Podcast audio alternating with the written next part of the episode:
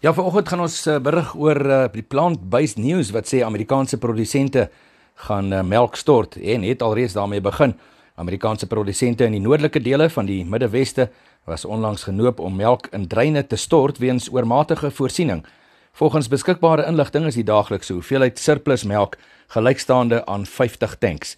Daar word ook gemeen dat hierdie jongste voorval in uh, Wisconsin ook na bewering in ander state in die Middeweste toegeskryf kan word aan uh, vraag en ook aanbod kwessies.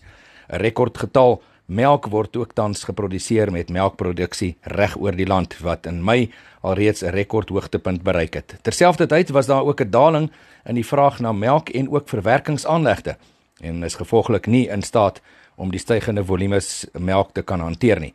Aangesien die uh, aanbod die vraag ook oorskry, daal melk en kaaspryse dien ooreenkomstig en benewens die storting van melk is die mening dat produsente ook hulle kuddes kan verminder deur koeie voortydig na abattoirs te stuur.